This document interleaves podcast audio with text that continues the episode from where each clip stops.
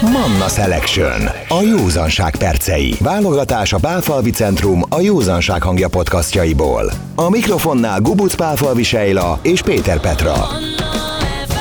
Azon gondolkodtam idefelé jövet Sejla, hogy ha a függés nézzük, ugye gyönyörű a magyar nyelv, roppant kifejező, és egészen egyszerű értelmezni, hogy a függés maga az gyakorlatilag azt jelenti, hogy én rá vagyok akadva valamire. Uh-huh. És a kérdés első része az, mert egy csomó része lesz majd, hogy mi van akkor, hogyha én megszokom magát a függést. Tehát tök mindegy egyébként, hogy lejövök-e az adott szerről, amit használok, idézőjelben tök mindegy, hiszen persze, hogy nem az.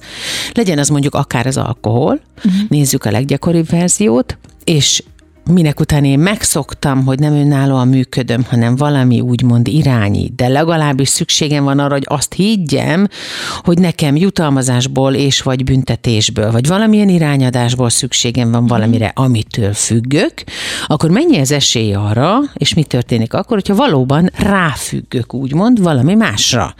Akár kényszeres leszek, akár ö, elkezdek olyan szinten egészséges életet élni, ami már téboly közeli. Tehát tehát mm-hmm. amikor tényleg csak a lepottyan gyümölcsöt eszem meg, stb. Nyilván szélsőségeket hozok mm-hmm, föl, persze. hogy érzékeltetni. Szélsőség, úgyhogy igen. igen. Tehát, hogy ilyenkor mi van? Ö, tehát, hogy ugye az volt a kérdésed, hogy erre van-e esély, erre nagyon nagy esély van, mégpedig akkor, hogyha valaki csak az adott szerével foglalkozik, és a felépülésen mögött ö, nem a függőség ö, van, most így csúnya szó uh-huh. mondva kezelve, hanem, hanem maga a szer. Tehát, hogyha valaki mondjuk függ az alkoholtól, és ő azt gondolja, hogy az ő egyetlen egy problémája az, hogy iszik, és mondjuk azt a szert leteszi, de avval a függő működésmóddal viszont nem foglalkozik, nem jár ezzel terápiába, vagy, vagy önsegítő csoportba, vagy, vagy bárhova, akkor valóban ez van, amit te mondasz, hogy ez a függő működésmód, ez meg fog találni egy másik szert, viselkedést, és ez, ez meg fog mutatkozni. Uh-huh. Volt már olyan a praxisodban, az már előfordult, hogy láttál ilyesmit, és akkor kellett azon is segíteni, vagy olyankor azt mondja a szakember, hogy jó, legalább nem az alkohollal, vagy legalább nem a szerekkel csinálja ezt, hanem van egy másik fajta uh-huh. mániává előlépett uh-huh. dolog, vagy, vagy uh-huh. működés, vagy annak a zavara, uh-huh.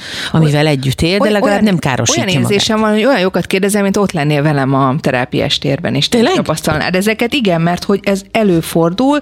Ugye javarészt az én klienseim alkoholfüggő kliensekből, vagy klientúrából áll, és én náluk gyakran tapasztalom, általában ami legelőször, ami, ami előjön, az az édesség iránti sóvárgás. Tehát, hogy leteszik az alkoholt, sok kliens számol be arról, hogy az édesség iránti vágya megnövekszik, és mondjuk az étel felé el tud tolódni ez a fajta függő működésmód. És visszatérve a kérdésedre, hogy mi van ilyenkor, ugye nem mindegy, hogy, hogy milyen fajta szerváltás történik. Aha. Tehát egy, egy alkohol ö, függőségnél mondjuk, hogyha az alkohol téren valaki abstinens, de eltolódik mondjuk a gyógyszerek fele, az ott, az ott, ott zéró tolerancia, mert hogy az egy olyan szerváltás lenne, ami, ami miatt nem, fog, nem tudna kijönni ebből, vagy nem tudna felépülni.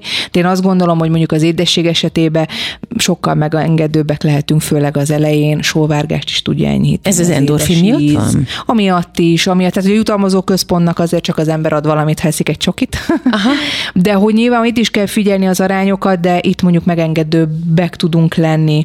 De nyilvánvalóan az a nagyon szerencsés, hogyha valami olyan tevékenység illeszkedik be mondjuk akár az alkohol helyébe, például a sport, ami azért egy egészségesebb, de ott is kell nagyon vigyázni.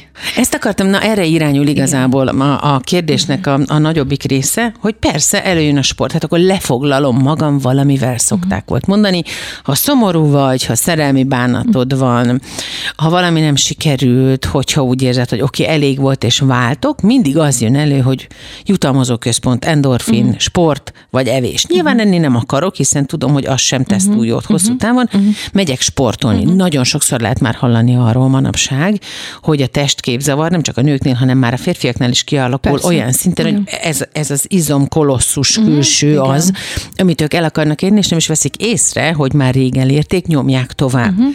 Tehát mi van akkor, hogyha egy, hogyha egy ilyen dolog jön be helyett, úgymond helyettesítőként? De ezért nem mindegy, hogy milyen sportot uh-huh. választ a, a, az ember, mert a, a sport függőségnél, mint olyannál, vagy hogyha beszélünk ezekről a testképzavaroknál, vannak olyan sportágak, amik, hogy mondjam, egy ilyen veszélyeztetettebb közeget teremtenek. Most, ha a testépítésre gondolunk például, ugye ez egy, ez egy, egy ilyen közeg.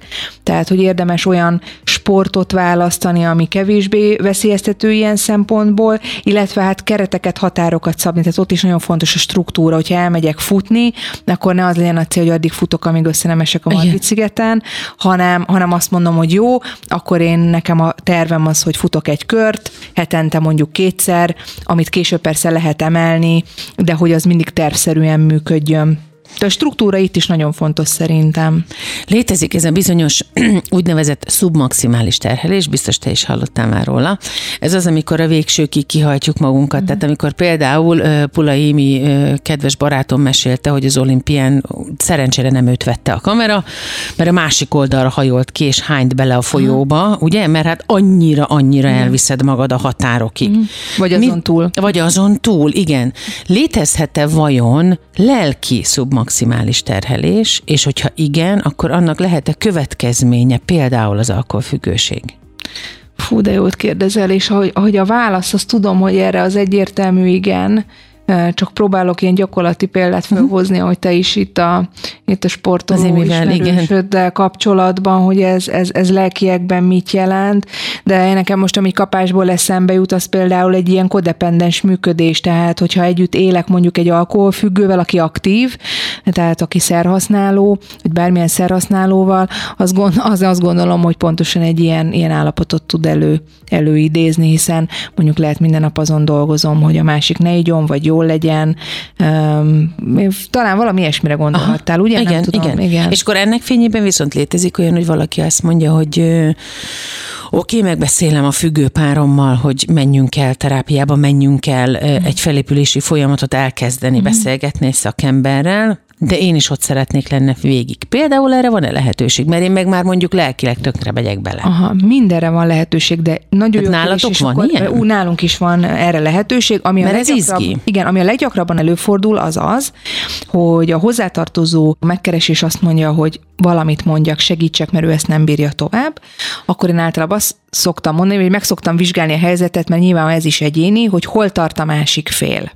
Ha másik fél még abszolút tagadásban van, és meg van róla győződve, hogy őnek is semmilyen problémája nincs, akkor mindig azt szoktam mondani a hozzátartozónak, hogy jöjjön el ő először, egyedül. Mert nyilván annak nincsen értelme, hogy elrángatja, vagy belezsarolja, vagy belekényszerít egy ilyen helyzetbe, hogy hozzám eljöjjön, mert hogy ott valószínű még olyan nagy az ellenállás, hogy, hogy ott nehéz lesz beszélgetni. Tehát, hogyha eljön a hozzátartozó, akkor tudunk azon dolgozni, avval a hozzátartozóval, vagy ha esetleg ő még szeretne valakit bevonni, mert hogy nyilván itt a számosságnak is jelentősége lehet. Mármint, hogy hányan vannak ott így vele? Van, így van, hogy most jön a felesége és a lánya, és mondjuk a cégtársa, akkor nyilvánvalóan ez egy nagyobb nyomást tud jelenteni, de ez ilyen intervenciós jelleggel, ami azt jelenti, hogy ők azért jöjjenek el, hogy közösen megteremthessük azt a helyzetet, a, ami, amiben behívva az érintett felet tudunk azon dolgozni, hogy akkor ő hogyan tudja elfogadni majd a segítséget. De amit te mondasz, ez is nagyon fontos, és az elkülönül ettől a fajta intervenciótól az, hogy amikor a hozzátartozónak is szüksége van segítségre, igen. alanyi jogon. Igen, Tehát igen. nem csak azért kell tudnia eljönni, hogy, hogy segítsen a másikon, hanem hogy tudjon segíteni saját magát. Hát, ahogyan működik a másodlagos szégyen, szerintem működik a másodlagos ö, függés is. Hát így, hát így van. Hát uh-huh. ugye a codependence szó, tehát a társfüggőség, az arra, ugye sokan összekeverik ezt, ezt a szót használjuk, vagy halljuk, hogy társfüggő, akkor mindenkinek az jut eszébe, hogy, hogy a partner függ hogy a, igen, igen, hogy a partner kapcsolattól magától függ. De igazából, hát szerintem egy kicsit szerencsétlen a fordítás, mert az angol codependent, tehát a codependence szóból, ez azt jelenti, hogy társa vagyok a függőségében. Uh-huh. Tehát, hogy ő, tehát én is függök az alkoholtól, nem közvetlenül, mert nem én iszom, de az én életemet az befolyásolja, hogy ő iszik, nem iszik, Igen. jól van, nincs jól, stb. Milyen a kedve. Így van. És így formán én azt gondolom, minden hozzátartozó is segítségre szorul, itt ugye az ellenállás a hozzátartozóknál szokott megmutatkozni. Na ez egy nagyon érdekes rész. El... Nem velem igen. van a baj, nem én iszom. Miért el kell időzni itt egy magam? kicsit, megmondom őszintén, se amikor azért, és bocsánat, hogy közbeszóltam. Nyugodtan. Mert az a fajta, én nem vagyok hibás, az a fajta, nem az én problémám, de azért meg kell, hogy oldódjon. Az a fajta másodlagos szégyenérzet, ami ugyanúgy működik egy hozzátartozónál is, ezt legalább annyira erőteljesen kell. Egyrészt ugye felismerni, beismerni és elmenni a szakemberhez, és azt mondani, hogy nekem is jót fog tenni, az, ha segítenek. Mm csak mondjuk egy nagyobb családi körön belül, hogyha ez ugye kiderül, és azt mondom, hogy jaj, nem csak a János megye, hanem megy vele Júlia a felesége uh-huh. is, vagy esetleg még a nagy gyerekük, uh-huh. aki már uh-huh. mondjuk 21, majd aztán az életkorról is beszélhetünk, akkor az már kellemetlen, és azt fogja mondani a család többi tagja, hogy ugyan már miért rángatod bele szegény feleségedet meg a gyerekedet, és kezdi el majd a feleség meg a gyerek kellemetlenül érezni magát emiatt. Hát, Tehát, hogy ez a, ez a visszahatása a, mhm. a, a családi körnek, vagy egyáltalán, vagy az ismeretségi körnek, ez szerintem még mindig működik, hogy elmenni szakemberhez az egy kicsit olyan, olyan kínos, főleg akkor, hogy hát nehogy már te menjél, mikor ő az a szemét, aki iszik. Lehet, lehet, hogy van ebbe egy ilyen is, de hát azért tudni kell, hogy ezek elég diszkrét uh-huh. megoldású, tehát bárhova is menjen az ember, ha meg a Pálfalvi centrumba jön, akkor, akkor azt én tudom garantálni, hogy ez egy, ez egy diszkrét dolog. Tehát nem, nem ők fel... mesélik el családon belül, tudod? Tehát, hogy visszatarthatja hát, az őket az ő dönt, az, Hát az az ő döntésük. Uh-huh. És amit, amit csak akartam mondani arra, hogy, hogy együtt jönnek el terápiába, vagy semmit, azért fontos megkülönböztetni az, hogy milyen fajta konzultációk vannak. Tehát, hogyha valaki együtt érkezik a párjával, mondjuk egy állapotfelmérésre, az belefér bár ott is néha szoktam kérni egy négy szemközti beszélgetésre lehetőséget, de nyilvánvalóan a, a, a függő, az alkoholfüggő mondjuk neki ezt a konzultációs sorozatot alapjávéve ugye egy egyéni konzultációs uh-huh. sorozaton belül csinálja végig.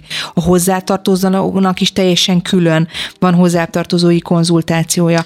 Lehetnek... Ja, hogy ők nincsenek feltétlenül az első pillanattól összeeresztve. Nincsenek ők egyáltalán Aha. összeeresztve, tehát létezik olyan, hogy párhuzamosan, a össze, tehát párhuzamosan zajlik, folyik, és ez nem arról szól, hogy akkor összefolyik a két terápia, hanem ez teljesen külön, és egyik terápiás térből nem kerülhet be a másikba semmilyen információ, mert hogy ez is fontos, hozzátartozik a diszkrécióhoz, meg nyilvánvalóan terápiásan amúgy sem lenne indokolt, aztán persze létezik olyan, hogy párkonzultáció, családi konzultáció, vagy létezik olyan, hogy párterápia, vagy családi terápia, amit ennek mentén lehet, de itt, itt ezeket nagyon-nagyon meg kell különböztetni, és fontos, hogy ezek ne, ne folyjanak össze.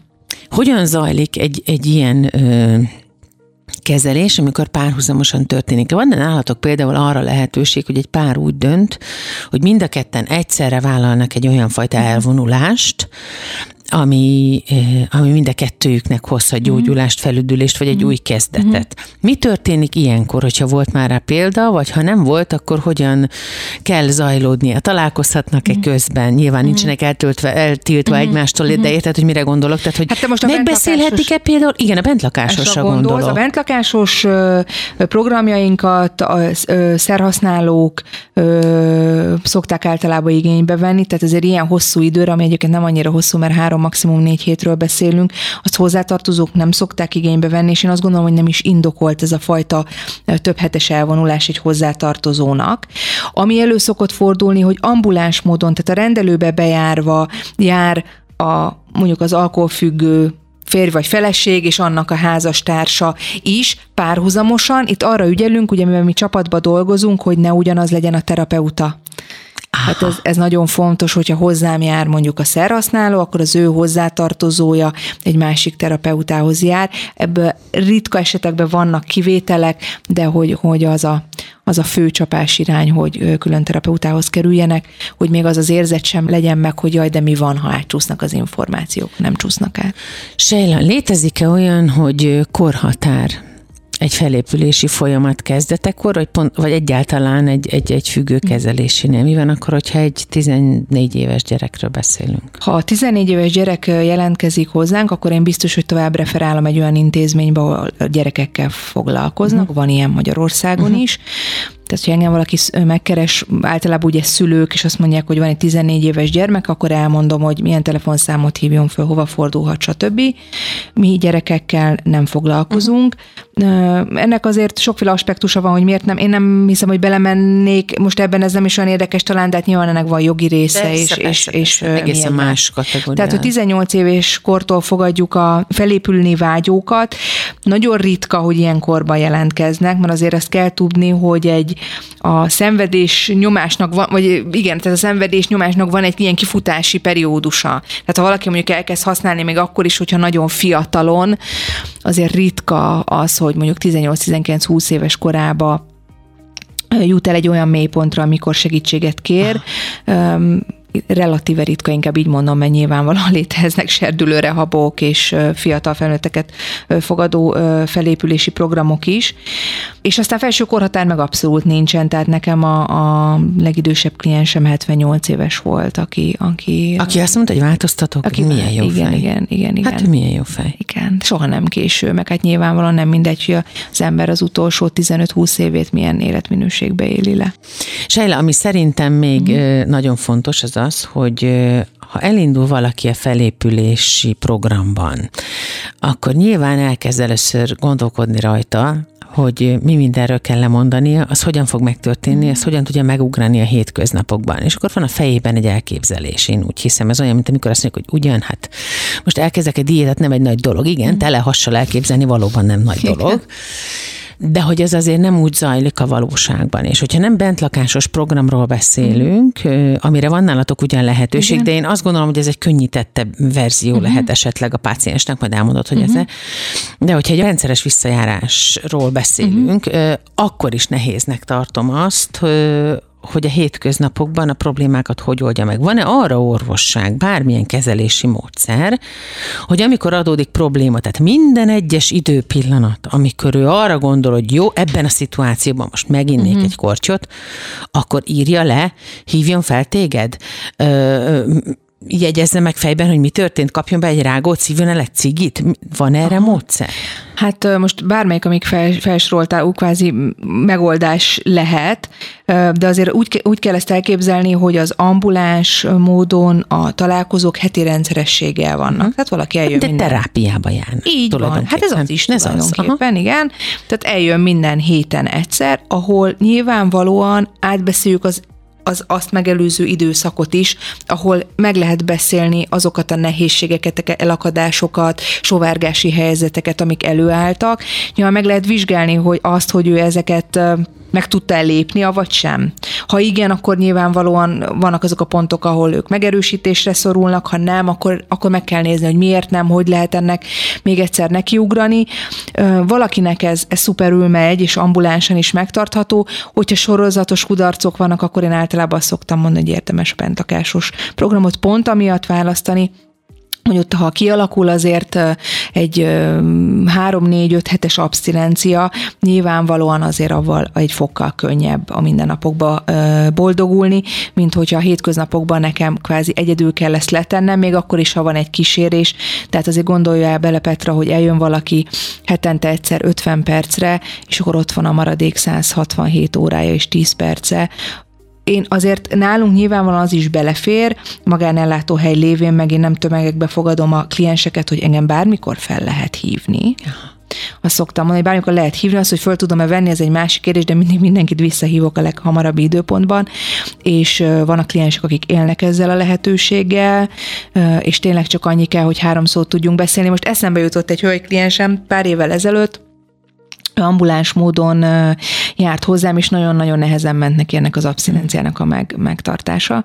És egyik este fél kilenckor csörgött a telefonom, láttam, hogy ő hív, felvettem, és akkor annyit hallottam, hogy nagyon erőteljesen szívta a cigarettáját, ezt a hangot hallottam, és azt mondta, hogy figyelj, de Sejla, itt vagyok most kin a kertbe, ez meg ez történt, de még nem ittam.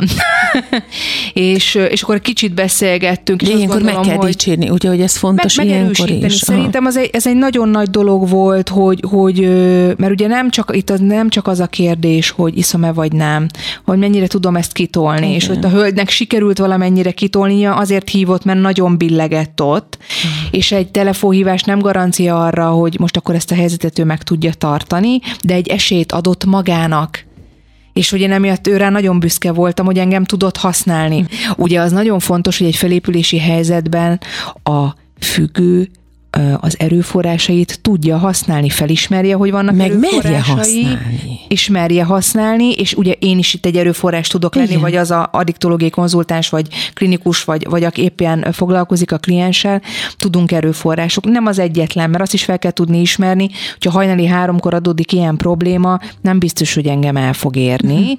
bár 24 órán át be van kapcsolva a telefonom, de vannak helyzetek, amikor nem lehet engem se elérni, hogy fel tudja ismerni az alternatívákat, hogy, hogy akkor mihez tudok nyúlni. A ti adtok például, vagy te tudsz adni olyan ilyen helyzetre olyan segítő módszert, ami működhet? Most gondolok arra például egy barátnőm jár terápiába, és ott egy vállásos helyzetről volt szó, mindegy, és készült egy beszélgetésre a férjével, és azt mondta neki a pszichológusa, hogy nézzen fölfelé balra, és próbálj meg pislogni, és nagy levegőket venni, hogy ne mm. induljon el a könnye. Mm.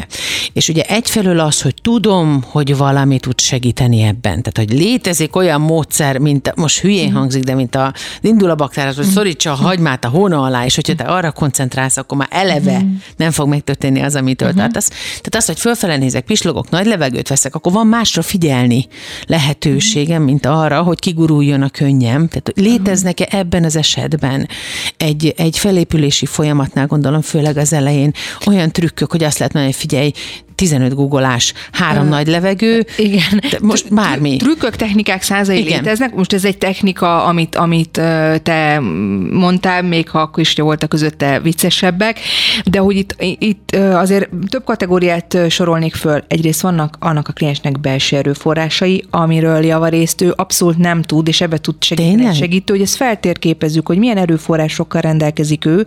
Tehát az, ugye nagyon sokan azt hiszik, hogy eljönnek hozzánk, és akkor majd mi ezeket az erőforrásokat odaadjuk mondjuk neki, de hát ez benne van a kliensbe. Akkor csak, csak megmutatják. Csak megmutatjuk, hogy hol, meg hogy mindenki ugye nyilvánvalóan másfajta erőforrásokkal rendelkezik. Vannak külső erőforrások, ugye ezt is érdemes feltérképezni. Tehát nem minden egy az, hogy valaki mondjuk egyedül izoláltan él, vagy valakinek van egy stabil, nem tudom, kapcsolati rendszere, ők egyébként mondjuk szerintem kevésbé veszélyeztetettebbek is, de, de hogy felépülés szempontjából mondjuk nagyon sokat számít, hogy milyen külső erőforrással rendelkezik, és aztán lehetnek ezek a technikák, amit te is mondasz, tehát hogyha például valaki nagyon szorong, akkor nagyon jó, hogyha egy terápia folyamán el tud sajátítani, most nem tudom, most az autogén tréning jutott eszembe, amit lehet, hogy otthon is öt percben, Igen. vagy ha bent van az irodába, széken ülve, meg tudja csinálni. Van egy barátnőm, aki mindig azt mondja, hogy figyelj, amikor gázol nyilván lelkileg, mindegy, mindegy, hogy mi az, ami segít, ha segít, nyilván itt most nem arra, hogy akkor ha nem iszol, akkor valamint szújjál be, tehát nem így, de hogyha az esik jól, és az segít abban a pillanatban, hogy azt az egy órát túléld, és utána jön a következő óra, és akkor ilyen kis darabokban nézzük, uh-huh. hogy most megeszel egy tábla csokit, hogy most veszel egy nagy levegőt, hogy most nem csinál semmit, csak hanyat fekszel és gondolkozol,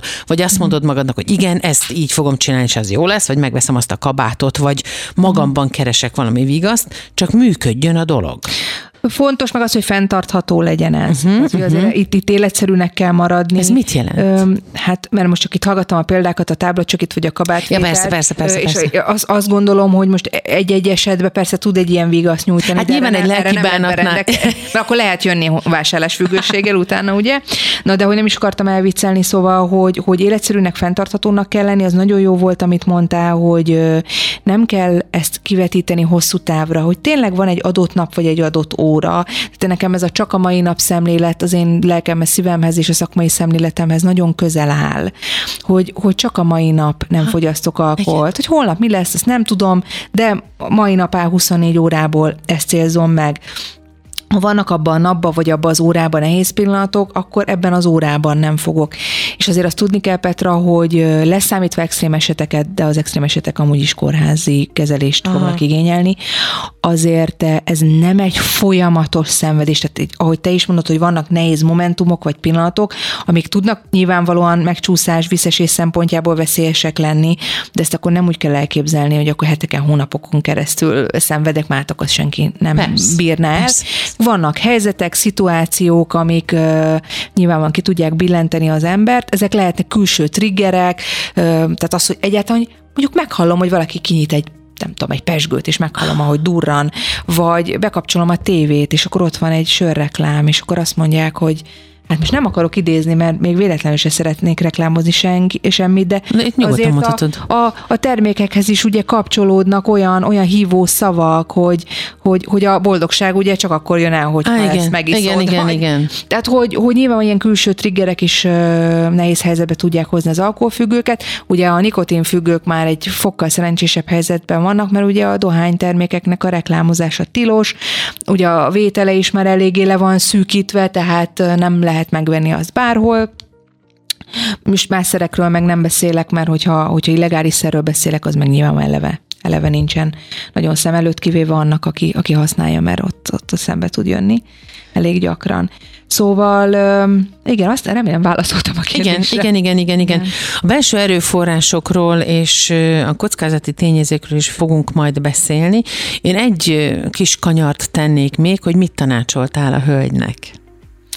Fú, ezt ne, nem tanácsolni biztos, hogy Vagy nem csak akkor mit mondtál? Semmit. Ez Én... fontos egyébként, erről meg kell beszélnünk, Igen. hogy nincsen észosztás egy nincs, ilyen nincs, helyzetben. Nagyon, rit, nagyon ritkán És ahol van, az... pszichoedukáció, amit hívhatunk ilyen formán észosztásnak is, de, de nyilvánvalóan az, az a felépülési folyamatnak egy része, hogy az ember tanuljon a függőségről, a felépülésről, stb.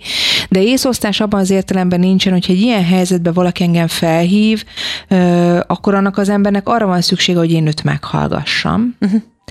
megerősítsem abba, amit hát nyilvánvalóan hát ő is azért közölte, hogy még nem ittam, hogy ebben meg tudjam erősíteni, hogy ez egy, ez egy hatalmas nagy dolog, hogy ő abba a helyzetbe ezt megállta.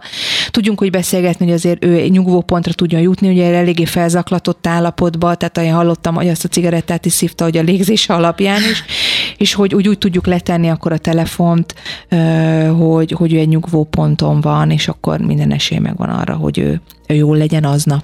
Manna Selection. A józanság percei. Válogatást hallottak a Pálfalvi Centrum a Józanság hangja podcastjaiból. További információért látogasson el a Manna FM honlapjára vagy Facebook oldalára.